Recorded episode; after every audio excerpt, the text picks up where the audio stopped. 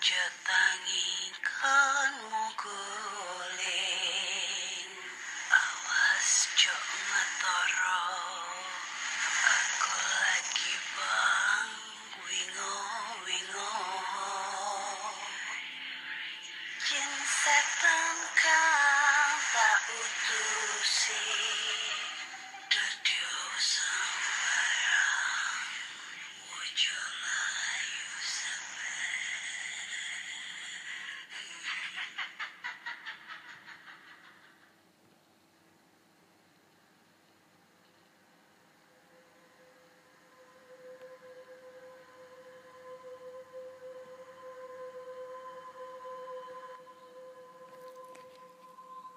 Assalamualaikum warahmatullahi wabarakatuh.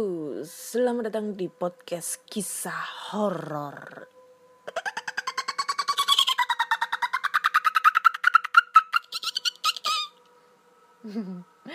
Aduh, aku kangen banget untuk openingnya itu harus ada ketawa-ketawa ala Mbak Kuns, ya kan? Tapi ya cuma segitu aja sih aku bisa praktekin ya. Lagi males banget. Oke, masih dengan Ana di sini yang akan membacakan email berhantu ataupun cerita horor yang akan menemani kalian di saat kalian lagi santai, lagi mau tidur, lagi kerja atau lagi pacaran sama pacarnya, ya kan? Dan eh, email ini biasanya tuh datang dari teman-teman ya. Jadi bukan dari eh, aku ngarang-ngarang ya. Kalau soalnya kemarin ada yang nanya. Karena itu cerita-ceritanya itu emang beneran dari orang-orang yang kirim email atau karangan-karangan dari Kak Ana sendiri. Ditanyain kayak gitu aku ada nanya kayak gitu. Dan aku jawab ini tuh eh, email ini apa kiriman dari orang-orang. Makanya kemarin aku sempet live di Instagram untuk menunjukkan menunjukkan gitu kan ke orang-orang kalau aku membacakan email ini eh aku membacakan cerita ini berdasarkan email dari orang-orang lain kayak gitu. Jadi pe- pecinta podcast kisah horor itu banyak banget gitu loh. Sekarang udah banyak banget tuh mantap kan? Udah banyak banget gak satu dua orang aja udah banyak banget. Dan pada udah masuk semua emailnya berebut minta dibacakan duluan. Kak bacain aku duluan punya aku duluan punya aku duluan punya aku duluan. Lan lan lan lan. A e a e a e a a e a e a e a.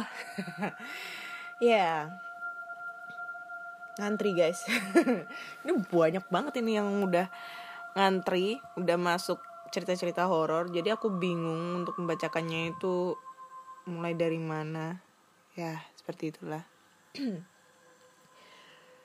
dan sebenarnya itu kemarin, kemarin adalah jadwal aku untuk memposting episode baru, episode ke-36, tapi karena kemarin ada kendala masalah HP, ya, karena aku ini kan recordnya ini kan masih pakai HP ya. HP ku agak error dibuat anchor gitu kan. Jadinya ke pending dan baru sempat hari ini kayak gitu. Ya semoga ini nggak ada masalah lagi ya untuk masalah HP-nya takutnya tiba-tiba udah baca sampai separuh gak taunya mati lagi. Aduh sedih aku kalau kayak gitu. Hehe.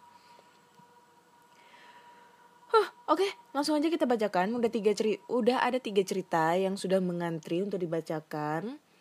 So langsung kita mulai ceritanya oke cerita pertama datang dari seorang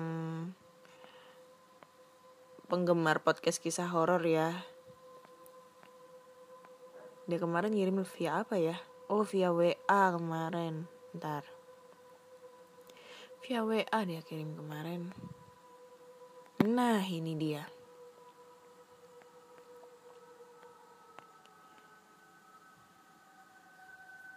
Oh, lama ya. Iya, mohon maaf. Aku soalnya bacanya lewat HP.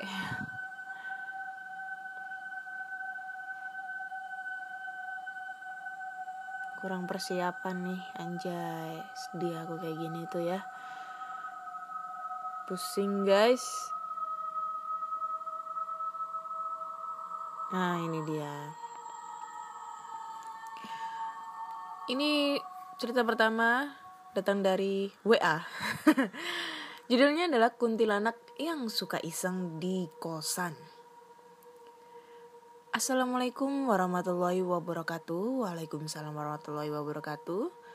Selamat malam podcast kisah horor dan selamat malam Mbak Ana.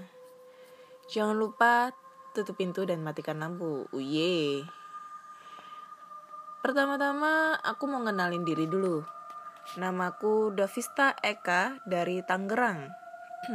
Instagram @davista_eka. Aku mau ceritain tentang pengalaman horor yang hampir aku nggak percaya, tapi ini nyata dialami. Cerita ini aku dapat dari istrinya adekku sendiri dan baru banget dua bulan yang lalu dia alami. Istrinya adik aku nih seorang perempuan yang sudah punya anak yang dalam tanda kutip sudah pisah dengan suami pertamanya. Dia sudah punya anak perempuan nih, sudah SMP kelas 1. Sudah lumayan besar lah dan tinggal dengan neneknya di daerah Priuk, Jakarta Utara. Adik, adikku nih nikah sama dia. Awal cerita, tadinya adikku sama istrinya tinggal di daerah Tangerang. Anak pertamanya nih ditinggal di Priuk karena kewajiban bersekolah di sana dan tinggal dengan neneknya. Nama istri adikku adalah Dewi. Adikku dan istrinya sudah menikah hampir dua tahun di Tangerang dan sudah mempunyai anak perempuan. Sekarang umur anak perempuan ini sudah dua tahun. nah, Anaknya Dewi yang pertama namanya Nabila dan anaknya Dewi yang dari adikku ini namanya Arsila. Singkat cerita, Dewi dan Arsila pindah nih ke Priuk. Katanya sih udah ada kosan di sana yang sudah disewa dan deket juga dengan rumah orang tuanya si Dewi ini. Aku ceritain dulu ya.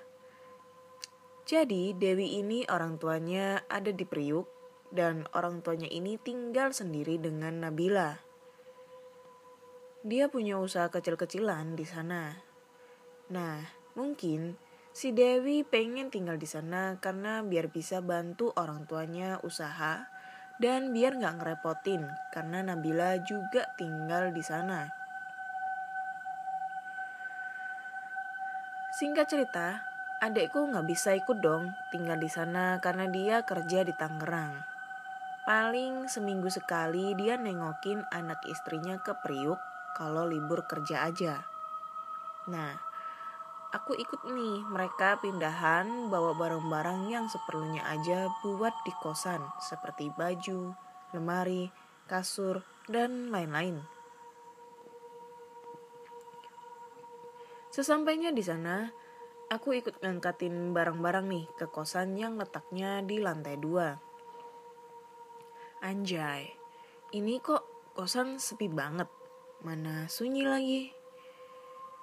Sampai atas pun aku kaget. Kok ini kosan pengap banget dan panas. Bawaannya gerah. Pengennya buka baju aja depan kipas angin. Padahal Keadaannya itu sampai sana udah malam, sekitar jam 9 malam. Singkat cerita, setelah aku selesai ngangkatin barang dan lain-lain, aku iseng tuh jalan-jalan di sekitaran kosan karena masih ada beberapa kosan yang kosong. Tiba-tiba Nabila manggil aku nih. Mas, sini, Ngapain ke situ-situ? Lalu aku jawab, lah kenapa Nabila? Gak apa-apa mas, sini aja, jangan ke situ-situ. Nanti ditongolin loh, sambil tertawa pelan. Aku langsung jalan cepet balik ke kosannya Dewi. Kelar semua barang udah diangkatin dan diberesin, aku pamit pulang nih. Adik aku nginep di sana karena masih ada barang yang belum dirapihin. Beberapa minggu kemudian, adikku baru cerita ke aku pas di rumah. Begini ceritanya. Mas, tahu nggak kamu? Nabila waktu itu lagi iseng nih malam-malam ke balkon ujung kosan. Kira-kira sekitar jam 9 malam Masa iya itu di jendela kosan yang kosong ada tangan ngelambai-lambai ke Nabila. Kukunya panjang, bajunya putih bersih, kepalanya gak kelihatan. Warnanya pucat banget itu tangan. Nabila spontan lari dan manggil-manggil mamanya. Buset, aku dengernya kaget. Hehehe.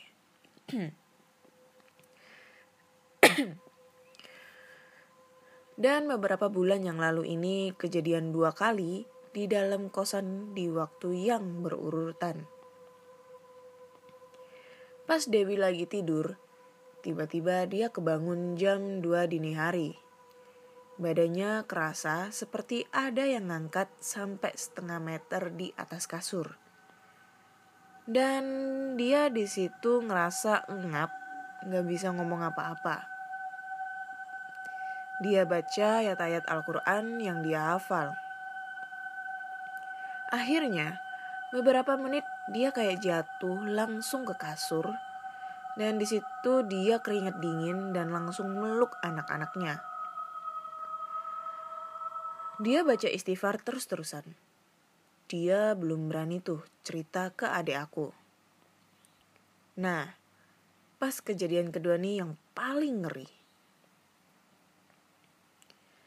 Kejadiannya sama sekitar tengah malam. Arsila nih anaknya yang umur 2 tahun kebangun dan nangis kejer banget sampai Dewi bangun. Dan Dewi nanya tuh ke Arsila. Dedek kenapa dek? Dedek kenapa? Udah cup cup cup. Muah. Arsila pas nangis kejer langsung lari ke depan pintu dan nangis sekencang-kencangnya sambil bilang, Mama, ada dua mama, ada dua. Noh, noh, di belakang mama. Serem banget. Mama serem banget, jelek mukanya. Arsila nangis kejer dan Arsila bilang, Mama, terbang mama, terbang ke atas rumah. Astagfirullah. Dewi merinding sejadi-jadinya dan langsung keluar kosan sambil gendong Arsila. Ngetok pintu tetangga sebelahnya. Akhirnya minta temenin sampai pagi. Dan paginya tetangganya bilang, kalau di sini emang suka ada cewek yang bolak-balik di lantai dua kalau tengah malam. Anjay ini backsound kenapa sih?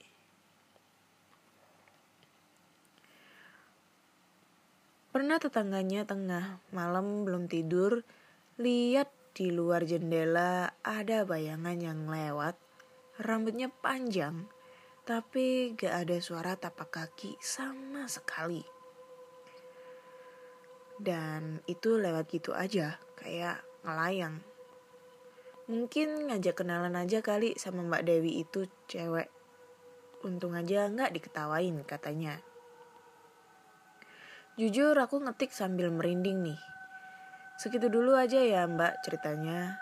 Lain waktu bakal aku ceritain kisah horor aku pas masih kecil. Mohon maaf kalau ceritanya berantakan dan susah dicerna. Sukses terus buat Mbak Ana dan podcast kisah horornya. Amin. Wassalamualaikum warahmatullahi wabarakatuh. Waalaikumsalam warahmatullahi wabarakatuh. Uh, ini dari Mas Davis Eka. Uh, ceritanya serem ya ya emang benar. Seperti yang udah sering aku omongin ya. Lokasi yang paling angker menurut versi on the spot wanjay versi on the spot nih ya. Ya versi, versi podcast kisah horor ya. Lokasi yang paling angker yang pertama adalah perkantoran. Yang kedua adalah sekolah ataupun kampus. Yang ketiga adalah kos-kosan. Keempat adalah apartemen atau hotel dan kelima adalah tempat wisata. Tempat wisata bisa bermacam-macam ya, bisa gunung, bisa bukit, bisa kolam renang, bisa apa aja lah. Itu menurutku serem banget karena biasanya kalau tempat wisata itu selalu menyimpan cerita cerita yang nggak bisa diungkapkan kayak gitu deh contoh nih contoh ya. Aku pernah explore di Wonderia. Taman bermain Wonderia di daerah Semarang. Cuma entah kenapa pada saat aku balik ke Surabaya video aku hilang. Error gitu. Bukan hilang error. Nggak bisa dibuka. Dan ya sayang banget. Aku nggak bisa upload itu video di YouTube ya. Jadi di Wonderia itu nggak salah berhenti beroperasi tahun berapa ya? Tahun 2007 atau dua- 2015 aku lupa.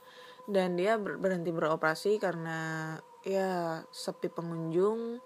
Lalu pernah ada kejadian insiden. Pernah ada kejadian insiden ada kecelaka kecelakaan pada saat orang bermain wahana di sana. Nah ini bermainnya aku kurang tahu ya bermain apa entah roller coaster atau mungkin eh, biang lala aku nggak tahu. Jadi pernah sempat ada kecelakaan di sana. Dan pada saat aku itu explore di sana bersama anak salah satu konten kreator di Semarang itu di dalam ternyata ada makam cuy. Ada makam ada sekitar empat makam. Tiga makam ini berada di satu ruangan. Jadi makamnya ini ya bentuknya eh, ruangan ini bentuknya gini jadi deket sama pintu masuk dan lokasinya itu ditutup. Ada kayak ruangan gitu kamar tapi nggak ada atapnya. Dan temboknya itu dimanipulasi dengan eh, kayak dikasih gambar-gambar SpongeBob atau Patrick atau Doraemon kayak gitu-gitu. Jadi dimanipulasi kayak gitu supaya orang itu nggak tahu mungkin orang ngira mungkin itu ruang controlling atau apa gitu kan. Dan ternyata di situ ada yang pertama tiga makam. Dan yang sebelahnya adalah ada satu makam yang apa ya makamnya ini panjang cukup panjang lah sekitar 2 meter lebih lah dua setengah meter atau berapa gitu. Lebih lah pokoknya panjang lah.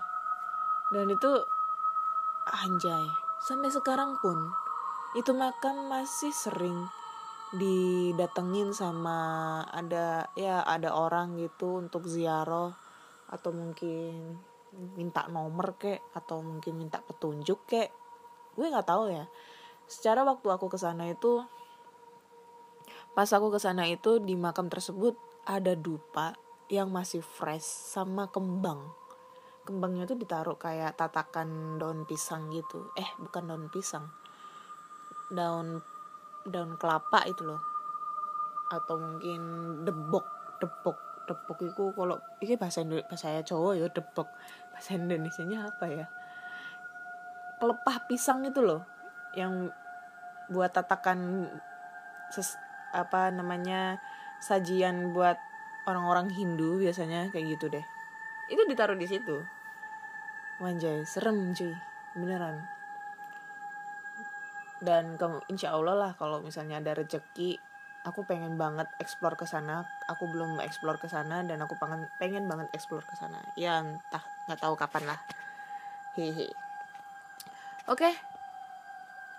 Lanjut kita ke cerita kedua ya. Cerita kedua datang dari ada salah satu podcaster podcaster nama podcastnya apa ya aku lupa nih nama podcastnya lupa beneran cuy. Ini adalah salah satu podcaster eh wah lupa aku namanya. Kalau inget kan bisa aku promoin gitu nama podcastnya. Ya eh tadi ada. Ah ini dia. Nama podcastnya adalah Stay Up TV Podcast. Jadi dia podcast horor horor juga ya, horor juga dan dia juga seorang konten kreator ya baru mencoba konten kreator explorer di tempat-tempat terbengkalai. Ya. Jadi kalau kalian suka dengan horor-horor juga kalian jangan lupa mampir ke podcastnya Mas Robi ini namanya Stay Up TV Podcast. Stay Up TV Podcast. Dan dia mengirimkan cerita pengalaman ceritanya ke aku ini langsung aja kita bacakan ceritanya oke halo pendengar perkenalkan namaku Robi asal dari Ciputat Tangerang Selatan. Ini adalah cerita aku. Buat pendengar semua, semoga kita semua selalu bahagia dan sehat selalu. Amin. oh ya, kali ini aku mau menceritakan cerita yang aku lagi ingat-ingat mumpung lagi gabut, enak buat ngetik nih. Waktu aku kecil sekitar umur 5 sampai 7 tahun, aku masih tinggal di kontrakan di daerah Rengas Bintaro, sektor 2. Di kontrakan itu, aku tinggal kurang lebih 10 tahun. Bentuk kontrakannya aku ini sama seperti pada umumnya.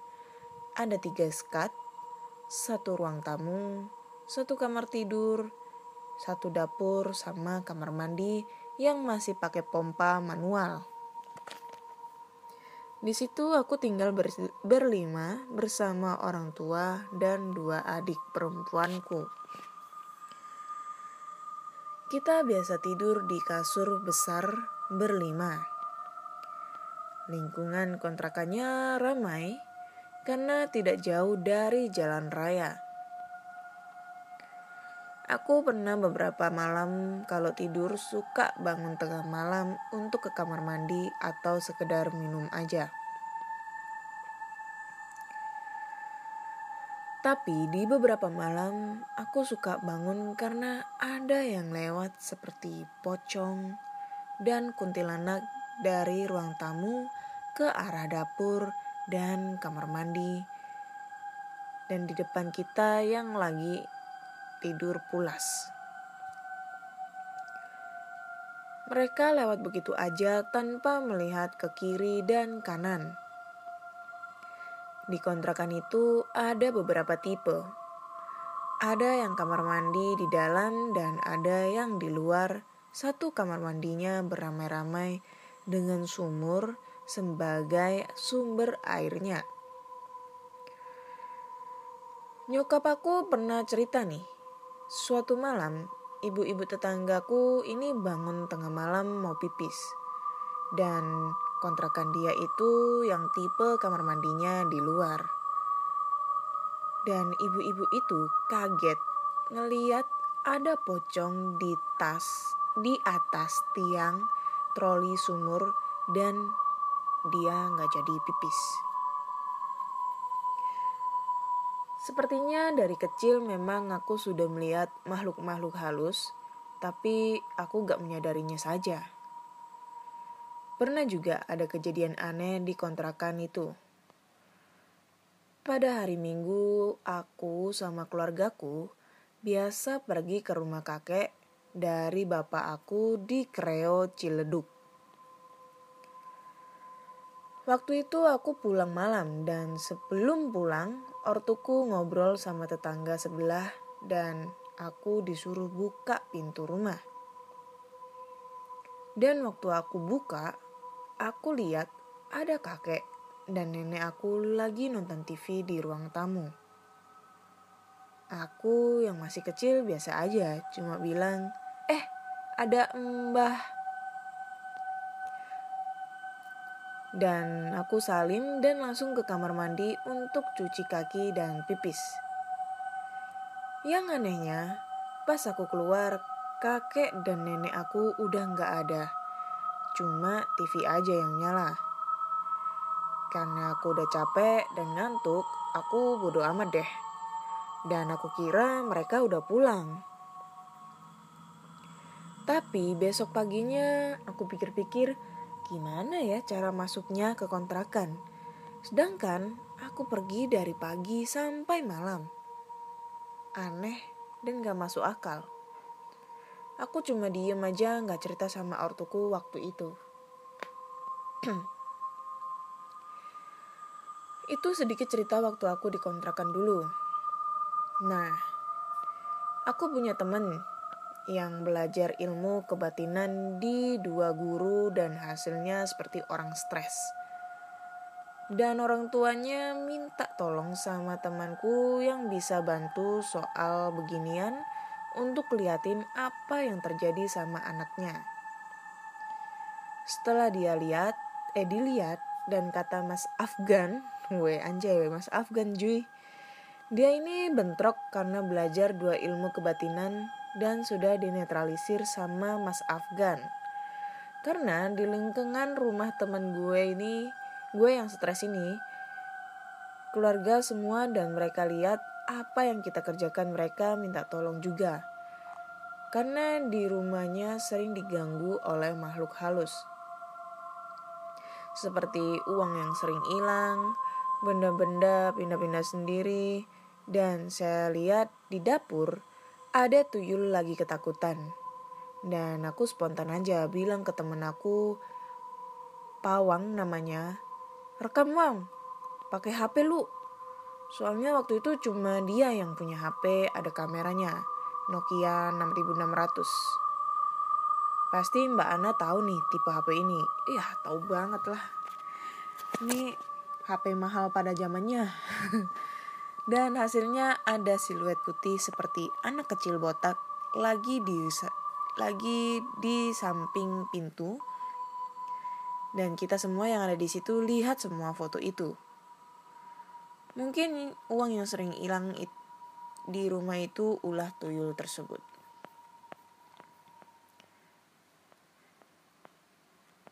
Wanjay. Oke, cukup sekian dulu cerita aku, Kak. Nanti aku bakal cerita lagi tentang pengalamanku yang lainnya. Terima kasih. Anjay. Ini sebenarnya Mas Robi ini ngirim ceritanya banyak banget.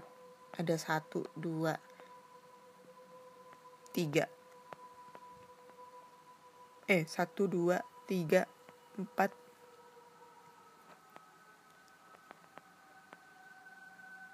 empat, lima, enam, tujuh, delapan.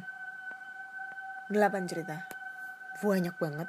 Dan ini sudah aku bacakan dua cerita. Jadi ya dua cerita itu nanti kita sambung lagi uh, ceritanya Mas Robi di episode uh, berikutnya ya. Uh, gila, aku kira ini cuma ini jadi satu gitu ceritanya panjang banget ternyata ini beda-beda cuy.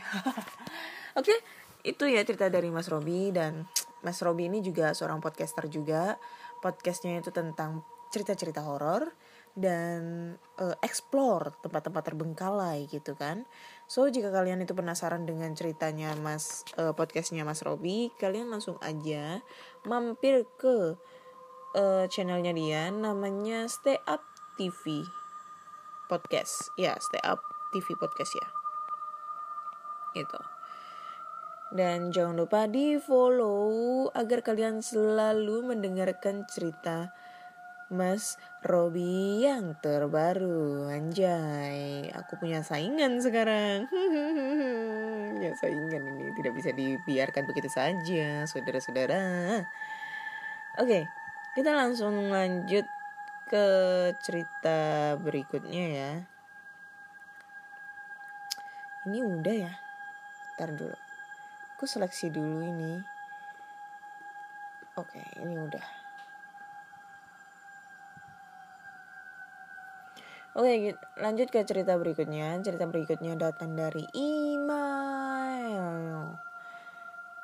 Cerita terakhir. Judulnya Hantu PKI Sumur Alas. Halo podcast kisah horor, halo juga. Kejadian ini ku alami tepat dua minggu yang lalu. Ketika itu, tepat malam Kamis pukul setengah sembilan malam. Aku baru saja pulang dari rumah temanku yang berada di desa sebelah. Kebetulan waktu itu habis hujan lebat campur angin. Sehingga jembatan yang tadi aku lewati roboh. Karena diterjang arus sungai yang meluap dan tertimpa pohon randu yang tumbang. Otomatis aku hampir memutar 2 km dari jalan yang tadi kulewati. Jalan yang harus aku lewati nanti antara lain hutan bambu yang menurut cerita orang di desaku adalah tempat pembuangan makhluk halus. Setelah itu aku harus melewati makam keramat yang konon banyak penunggunya dan paling terkenal dengan penampakan pocong tanpa kepalanya. Penderitaanku belum berakhir. Aku juga harus melewati satu tempat lagi yang menurut sejarahnya tempat tersebut adalah tempat pembantaian orang-orang PKI. Nama tempatnya yaitu Sumur Alas. Tepat pukul 9 malam, aku sampai di hutan bambu yang panjangnya kira-kira 500 meteran. Dengan perasaan yang sedikit takut, aku menggenjot sepeda ontel milikku dengan kencang. Namun, belum sampai keluar dari hutan itu, tiba-tiba ada sebatang pohon bambu yang tumbang dan batangnya menghalangi jalan. Setelah dekat dengan pohon itu, aku turun dari sepeda dan mengangkat sepedaku melewati runtuhan pohon itu. Ajaib, pohon bambu yang tumbang itu langsung berdiri lagi, dan tiba-tiba terdengar suara burung hantu yang sangat kencang di sebelah kanan jalan. Bukan main kagetnya saat pada saat itu. Tanpa pikir panjang, aku langsung ambil langkah seribu dengan menggenjot sepeda ontelku sekencang-kencangnya. Akhirnya, keluar juga aku dari hutan bambu sialan itu. Sekitar 50 meter dari hutan tersebut, aku sedikit tenang karena tampak ada dua orang sedang menyetrum ikan di pinggiran sawah. Namun ketenangan itu hanya kurasa sebentar saja. Karena kini tiba saatnya aku harus melewati makam keramat. Ya, kuburan yang menurut orang-orang sangat angker. Dengan pikiran yang masih agak takut dan badan yang lumayan letih, aku pun menggenjot lagi pedal sepedaku memasuki kawasan perkuburan tersebut. Setelah sampai di makam keramat itu, benar saja, aku langsung dikejutkan dengan lampu jalan yang tiba-tiba mati. Tidak hanya itu, aku juga mencium bau bangkai yang busuk yang sangat menyengat sekali. Aku mencoba untuk tetap tenang dan banyak-banyak membaca kalimat Allah. Namun, yang aku khawatirkan akhirnya kejadian juga. Tiba-tiba aku melihat ada sosok bayangan hitam besar di bawah pohon randu yang tampak samar dari pandanganku. Dengan sisa tenaga yang aku miliki, aku menggenjot sepedaku tanpa memperdulikan bayangan itu. Hingga sampailah aku di tempat angker terakhir, yaitu sumur alas. Dengan banyak berdoa dan berharap tidak terjadi apa-apa, aku mulai melewati tempat itu. Namun sialnya, rantai sepeda ontelku tiba-tiba malah terlepas. Akhirnya dengan penerangan seadanya dari senter HP, aku berusaha memperbaikinya. Setelah selesai, tiba-tiba aku mendengar suara tangisan yang memilukan di arah belakangku.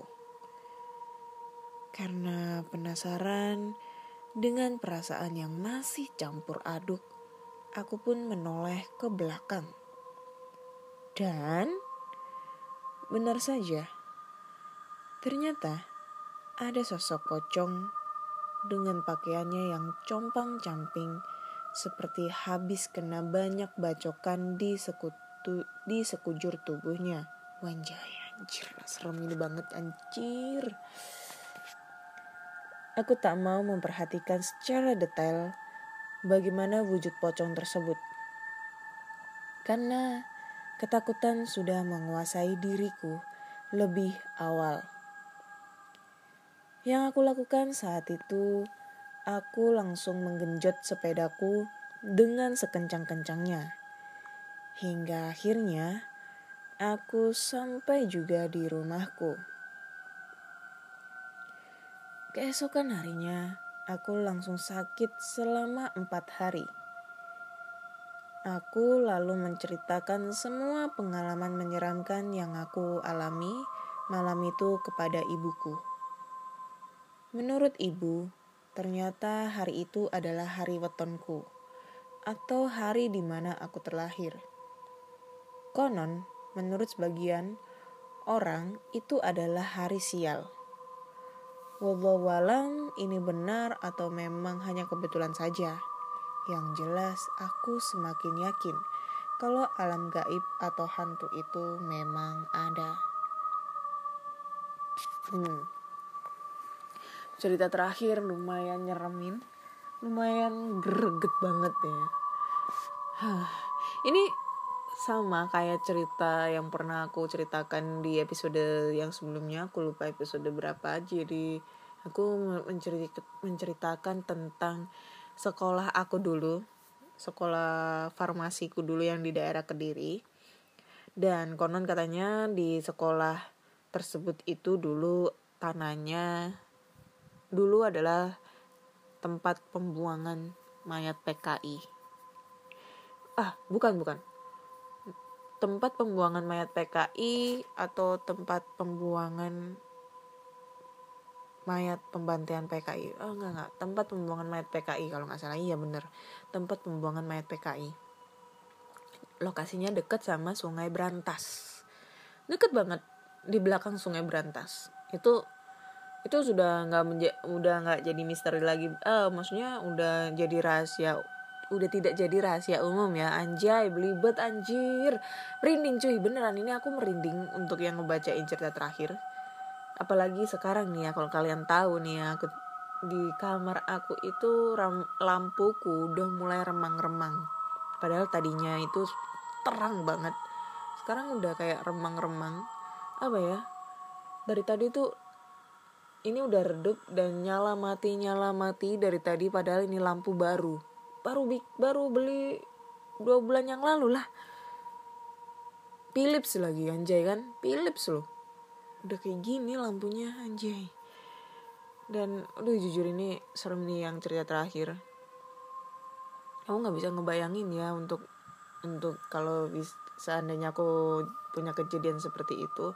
Karena memang waktu aku sekolah di sana itu banyak banget yang ngalami kesurupan. Bener kalau kesurupan massal sih enggak ya paling cuma satu dua orang aja yang nggak bisa disebutkan kesurupan massal ya. Tapi itu hampir setiap hari kayak gitu kan. Hampir setiap hari dan lokasinya emang sangat creepy banget. Mungkin pendengar cerita ini ada yang pernah sekolah di situ pasti pernah mengalami hal yang sama seperti aku walaupun aku cuma sekolah di sana setahun, setahun doang sih. Ya yeah, saking bandelnya aku dan bodoh amat dengan orang-orang di sana ya. So ini udah menit ke 39 Udah 30 menit aku menemani kalian untuk membacakan cerita horor Yang akan menemani kalian di saat kalian lagi gabut Di saat kalian lagi pengen um, merasakan ekstita, ekstita, ek, ek, ekses eksenti apa ya merasakan aura horor lah. Susah banget ngomongnya. Susah banget ngomongnya. Atau mungkin di saat kalian dengerinnya lagi perjalanan naik mobil kayak gitu kan atau naik motor pakai headset kalian gitu tapi jangan sampai kalian uh, terlalu lupa dengan protokol pengendara kalian ya. Protokol pengendara kan goblok banget sih aku ngomongnya apa ya pokoknya jangan jangan lu jangan sampai kalian uh, terlalu fokus lah. Sehingga di kalian tuh nggak fokus untuk menyetir. Nggak baik. Jadi ya cukup sekian dulu cerita kali ini. Mohon maaf jika ada uh, salah pengucapan atau mungkin pembacaannya kurang dinikmati. Saya mohon maaf yang sebesar besarnya mungkin ke depannya aku akan ber apa uh, merubah ataupun mungkin memperbaiki jauh lebih baik lagi ya dan jika kalian mempunyai cerita horor uh, mungkin pengalaman dari kalian sendiri, ibu, bapak, adik, kakek, nenek dan semuanya. Wenjay. Kalian bisa langsung aja kirim cerita kalian ke podcast kisah horor at gmail.com podcast kisah horor at gmail.com ataupun di DM Instagram podcast kisah horor atau DM Instagram Anna Olive. Jangan lupa di follow karena podcast kisah horor ini udah eksklusif di Spotify, Google Podcast, Apple Podcast ataupun di Anchor. Sebenarnya sih ada 8 8 platform udah tersedia, tapi yang paling sering didengerin adalah empat platform ini. Jadi aku sebutkan empat platform ini ya. Dan ditunggu juga kritik dan sarannya untuk podcast kisah horor agar menjadi suatu introspeksi atau suatu suatu apa ya? Anjay aku bingung ngomong apa ini sumpah. Aku dari tadi merinding gila. Menjadi suatu eh uh, anjay sumpah. Ngedon aku ngeblank aku. Ya pokoknya biar bisa aku introspeksi diri introspeksi diri introspeksi masalah podcast aku supaya bisa diperbaiki jauh lebih baik ya agar kalian semua lebih nyaman untuk ngedengerinnya. Beneran nih aku udah nggak kuat ini aku merinding. Aku mau tidur habis ini karena ini sekarang udah jam satu malam ya. So, terima kasih untuk semuanya dan selamat malam.